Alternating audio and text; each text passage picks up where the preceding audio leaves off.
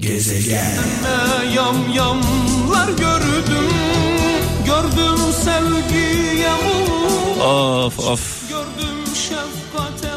Bazen ben konuşurum sevgili kralcılar bazen şarkılar anlatır olayı bu akşam saat 17 itibariyle mikrofonumun başındayım. Sevgili cambazımızı uğurladık. Saat 19'a kadar, kaptan gelene kadar buradayım.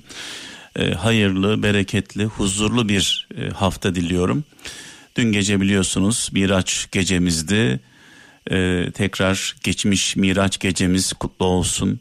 Dualarımız kabul olsun. Bizim için hayırlı olan dualarımız kabul olsun. Benim en büyük duam bu zor günlerde e, ülke olarak, millet olarak e, tek yürek olabilmek, millet olabilmek, istiklal mücadelemizde olduğu gibi, Çanakkale Savaşı'nda olduğu gibi ocu bucu, şuncu buncu demeden, birbirimize yan gözle bakmadan, ayrısız gayrısız, e, tek bir yürek, tek bir beden olabilmek, bunu yapabilirsek, sağlayabilirsek, bütün sorunların üstesinden geliriz diye inanıyorum.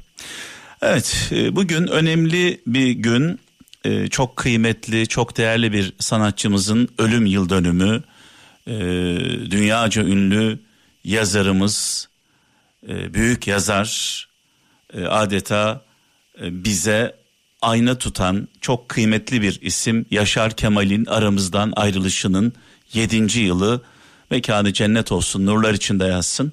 Onun birkaç sözü var şu an önümde sevgili kralcılar. Ee, büyük yazarımız e, Yaşar Kemal şöyle demiş. Demir olsam çürürdüm, toprak oldum da dayandım demiş. Demir olsam çürürdüm, toprak oldum da dayandım demiş. Yine Yaşar Kemal insan evrende gövdesi kadar değil yüreği kadar yer kaplar demiş. Önemli olan boyutunuz değil, kalbinizdeki duygular diyor. Ve son olarak Yaşar Kemal şöyle demiş. İnsan düşleri öldüğü gün ölür. Hayallerimiz kaybolduğunda, hayal edemediğimizde ölmüş oluyoruz diyor. Ee, tekrar büyük yazarımızı rahmetle, saygıyla, duayla anıyoruz. Ve onun çok yakın dostu, yol arkadaşı Zülfü Livaneli ile devam ediyoruz.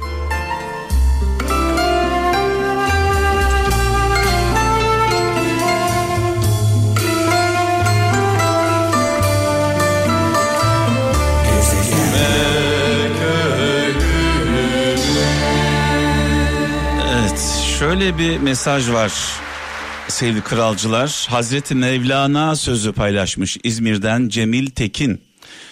Diyor ki pes etme diyor. Pes etme. Çünkü orası gidişatın değişeceği yer ve zamandır. Yani tam pes etmeyi düşündüğünüz an her şeyin tersine döneceği andır diyor. E, her zaman e, ne diyoruz? E, aydınlığın en yakın olduğu yer zifiri karanlığın en şiddetli olduğu andır. Yani eninde sonunda o güneş doğacak. Eninde sonunda güneşin doğmadığı bir gün var mıdır Allah aşkına? Eninde sonunda yaz gelecek. Eninde sonunda kış bitecek. Eninde sonunda güneşin sıcaklığını hissedeceğiz.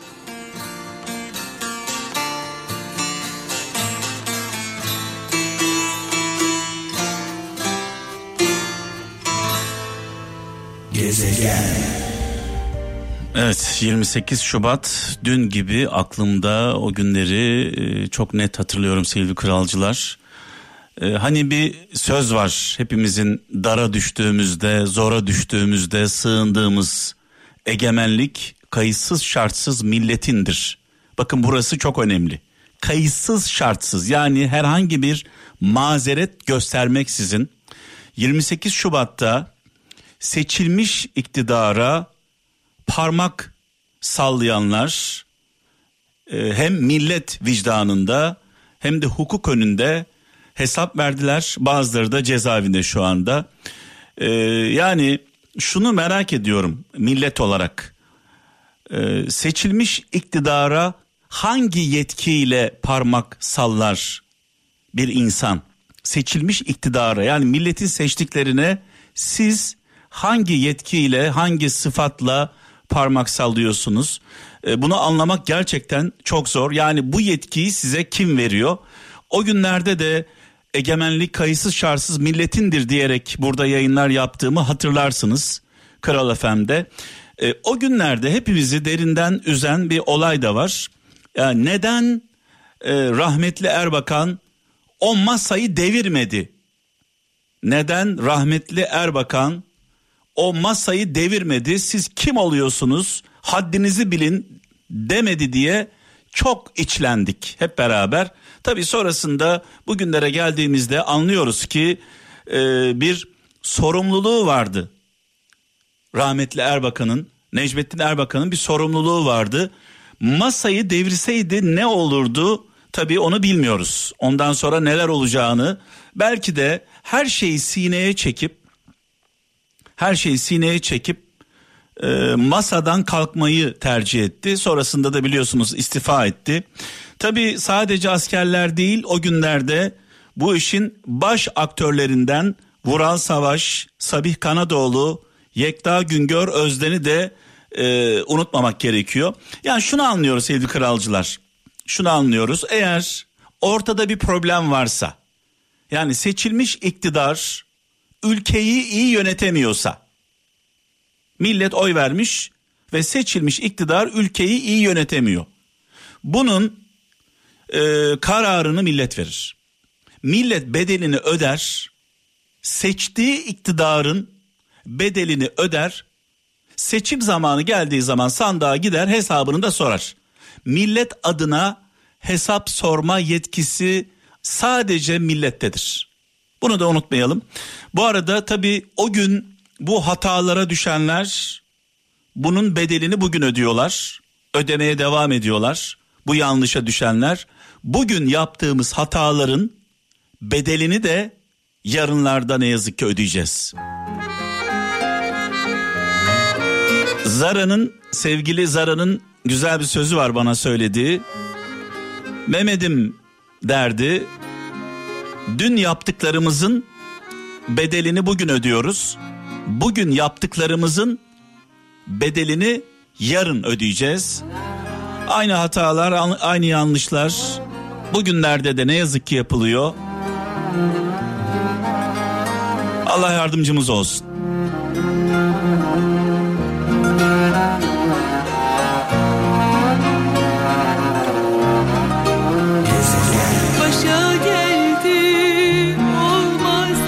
Yani tekrar altını çizerek ifade etmek istiyorum. Seçimle gelen bir yönetime, bir iktidara sadece ve sadece hesabı millet sorar. Nasıl sorar? Sandıkta sorar. Bunun dışında hiçbir iradenin hesap sorma haddine değildir.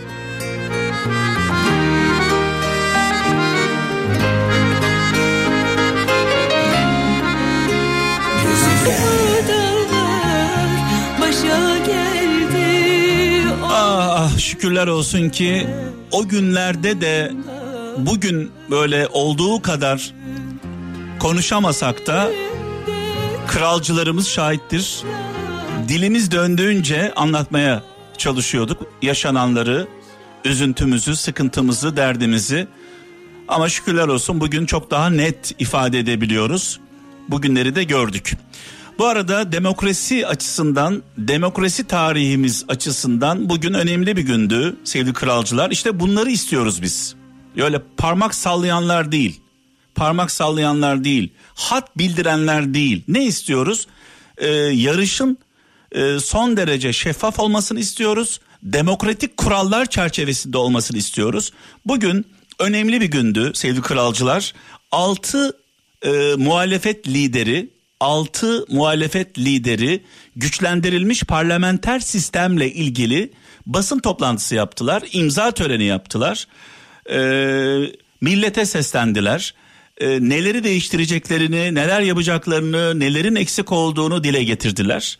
Bugün Türkiye için bana göre önemli bir gündü. Altı lider, altı farklı lider, e, muhalefet lideri bir araya geliyorlar ve tek bir metne imza atıyorlar. Varsa bir problem, varsa bir sorun, varsa bir sıkıntı bu şekilde dile getirilmesi gerekiyor. Arka kapılarda, arka taraflarda gizli saklı böyle e, operasyonlarla değil, açık ve net, şeffaf bir şekilde ortaya koymaları gerekiyor. Dolayısıyla e, benim şöyle bir e, mesajım var. E, zaman zaman dile getiriyorum. Mesela e, liderleri konuk aldığımda hatırlayın Sayın Cumhurbaşkanımızı, Sayın Kılıçdaroğlu'nu ve diğer siyasi parti liderlerini konuk aldığımda seçim dönemlerinde programı kapatırken yani program bittiğinde son sözüm şu oluyor. Türkiye kazansın. Kimin kaybettiğinin benim için bir önemi yok. Bizim için millet olarak bir önemi yok. Mesele ülkenin kazanması. İnşallah bugün yapılan altı partinin bir araya gelip altına imza attığı e, ortak anlaşma Türkiye için hayırlı olur diyelim. Tek derdimiz ülkemizin, milletimizin kazanması.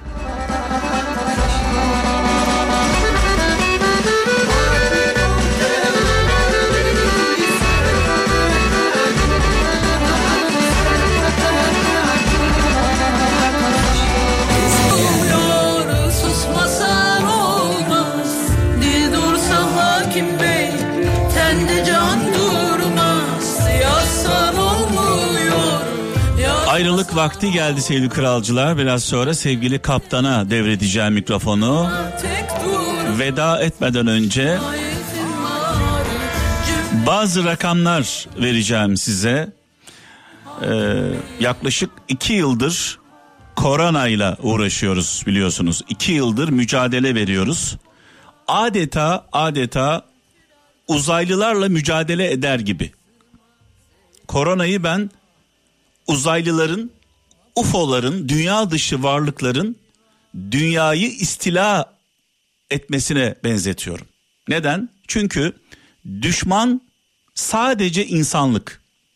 Koronanın düşmanı ayrımsız gayrımsız Amerikalı demiyor, Fransız demiyor, Afgan demiyor, Arap demiyor, Çinli, Japon demiyor. Korona bütün insanlığa saldırıyor. Şu ana kadar resmi rakamlara göre 6 milyon insan hayatını kaybetti. 6 milyon. Sanki uzaylı istilası var ve bütün insanlığa karşı bir savaş söz konusu. Resmi rakamlara göre her gün 15 bin insan kaybediyoruz dünya üzerinde. Her gün 15 bin. Sadece Türkiye'de 200'ün üzerinde vatandaşımız hayatını kaybediyor zengini, fakiri, eğitimli, eğitimsiz fark etmeksizin. Uzaylılar geldi dünya dışından adeta hepimize saldırıyorlar. Peki böyle zamanlarda filmlerde izliyoruz. Uzaylı istilası olduğunda ne oluyor? Ee, bununla ilgili bu konuyla ilgili çok fazla film e, biliyorsunuz Hollywood yaptı. Bütün dünya birleşiyor. Müslümanı, Hristiyanı, Yahudisi, Hindusu, inananı, inanmayanı herkes birleşiyor. Filmlerde izliyoruz bunu. Uzaylılara karşı güçlerimizi birleştiriyoruz. Silahlarımızı birleştiriyoruz. Kol kola giriyoruz. Dünyamızı kurtarmaya çalışıyoruz. Koronanın uzaylı istilasından farkı var mı Allah aşkına? Yok. 6 milyon insan resmi rakamlara göre. Belki 15 milyon şu ana kadar. Büyük bir savaşın içindeyiz. Buna rağmen bunu yaşadığımız halde Rusya Ukrayna'ya saldırıyor. Yani demek ki şunu anlamaya çalışıyorum ben. Gerçekten bir uzaylı istilası olsa dünyayı istila etmek isteyen uzaylılar silahlarıyla silahlarını donanıp gelseler Biz yine onlarla savaşmayı bir kenara bırakıp birbirimizi öldürmeye devam edeceğiz. Dolayısıyla dünyayı istila etmeye gelen uzaylılar diyecek ki bizim bunları öldürmemize gerek yok. Bunlar zaten birbirini öldürüyorlar. Biz sadece seyredelim. Durum net olarak bu. Bakın resmi rakamlara göre diyorum 6 milyonun üzerinde insan hayatını kaybetti. Her gün sadece Türkiye'de resmi rakamlara göre 200 kişi e, hayatını kaybediyor. Dünyada 10 binin üzerinde 15 binin üzerinde insan hayatını kaybediyor. Biz ne yapıyoruz? Hala birbirimizle didişmeye devam ediyoruz. Evet. Bugünün hikayesi biz tabi Hillary Clinton'ın e, yalancısıyız. Hillary Clinton'la e, Putin, Rus lider e, sohbet ediyorlar. E, çocukluğuyla ilgili, geçmişiyle ilgili bir sohbet var. Hillary Clinton da kendi kitabında bu sohbetten bahsediyor. Biz Hillary Clinton'ın yalancısıyız. Gerçekten eğer bu hikaye böyleyse e, Müslüm Baba'nın hikayesine benzettim ben biraz. Malum biliyorsunuz Müslüm Babamız bir trafik kazası sonucunda e, öldü diye e, morga kaldırılıyor. Daha sonra yaşadığı ortaya çıkıyor. Mekanı cennet olsun nurlar içinde yazsın. Morgdan çıkarılıyor. Yaşadığı ortaya çıkıyor. E, Putin'in e, Rus lider Putin'in hikayesi de Müslüm babamızın hikayesini hiç aratmıyor. Gezegen.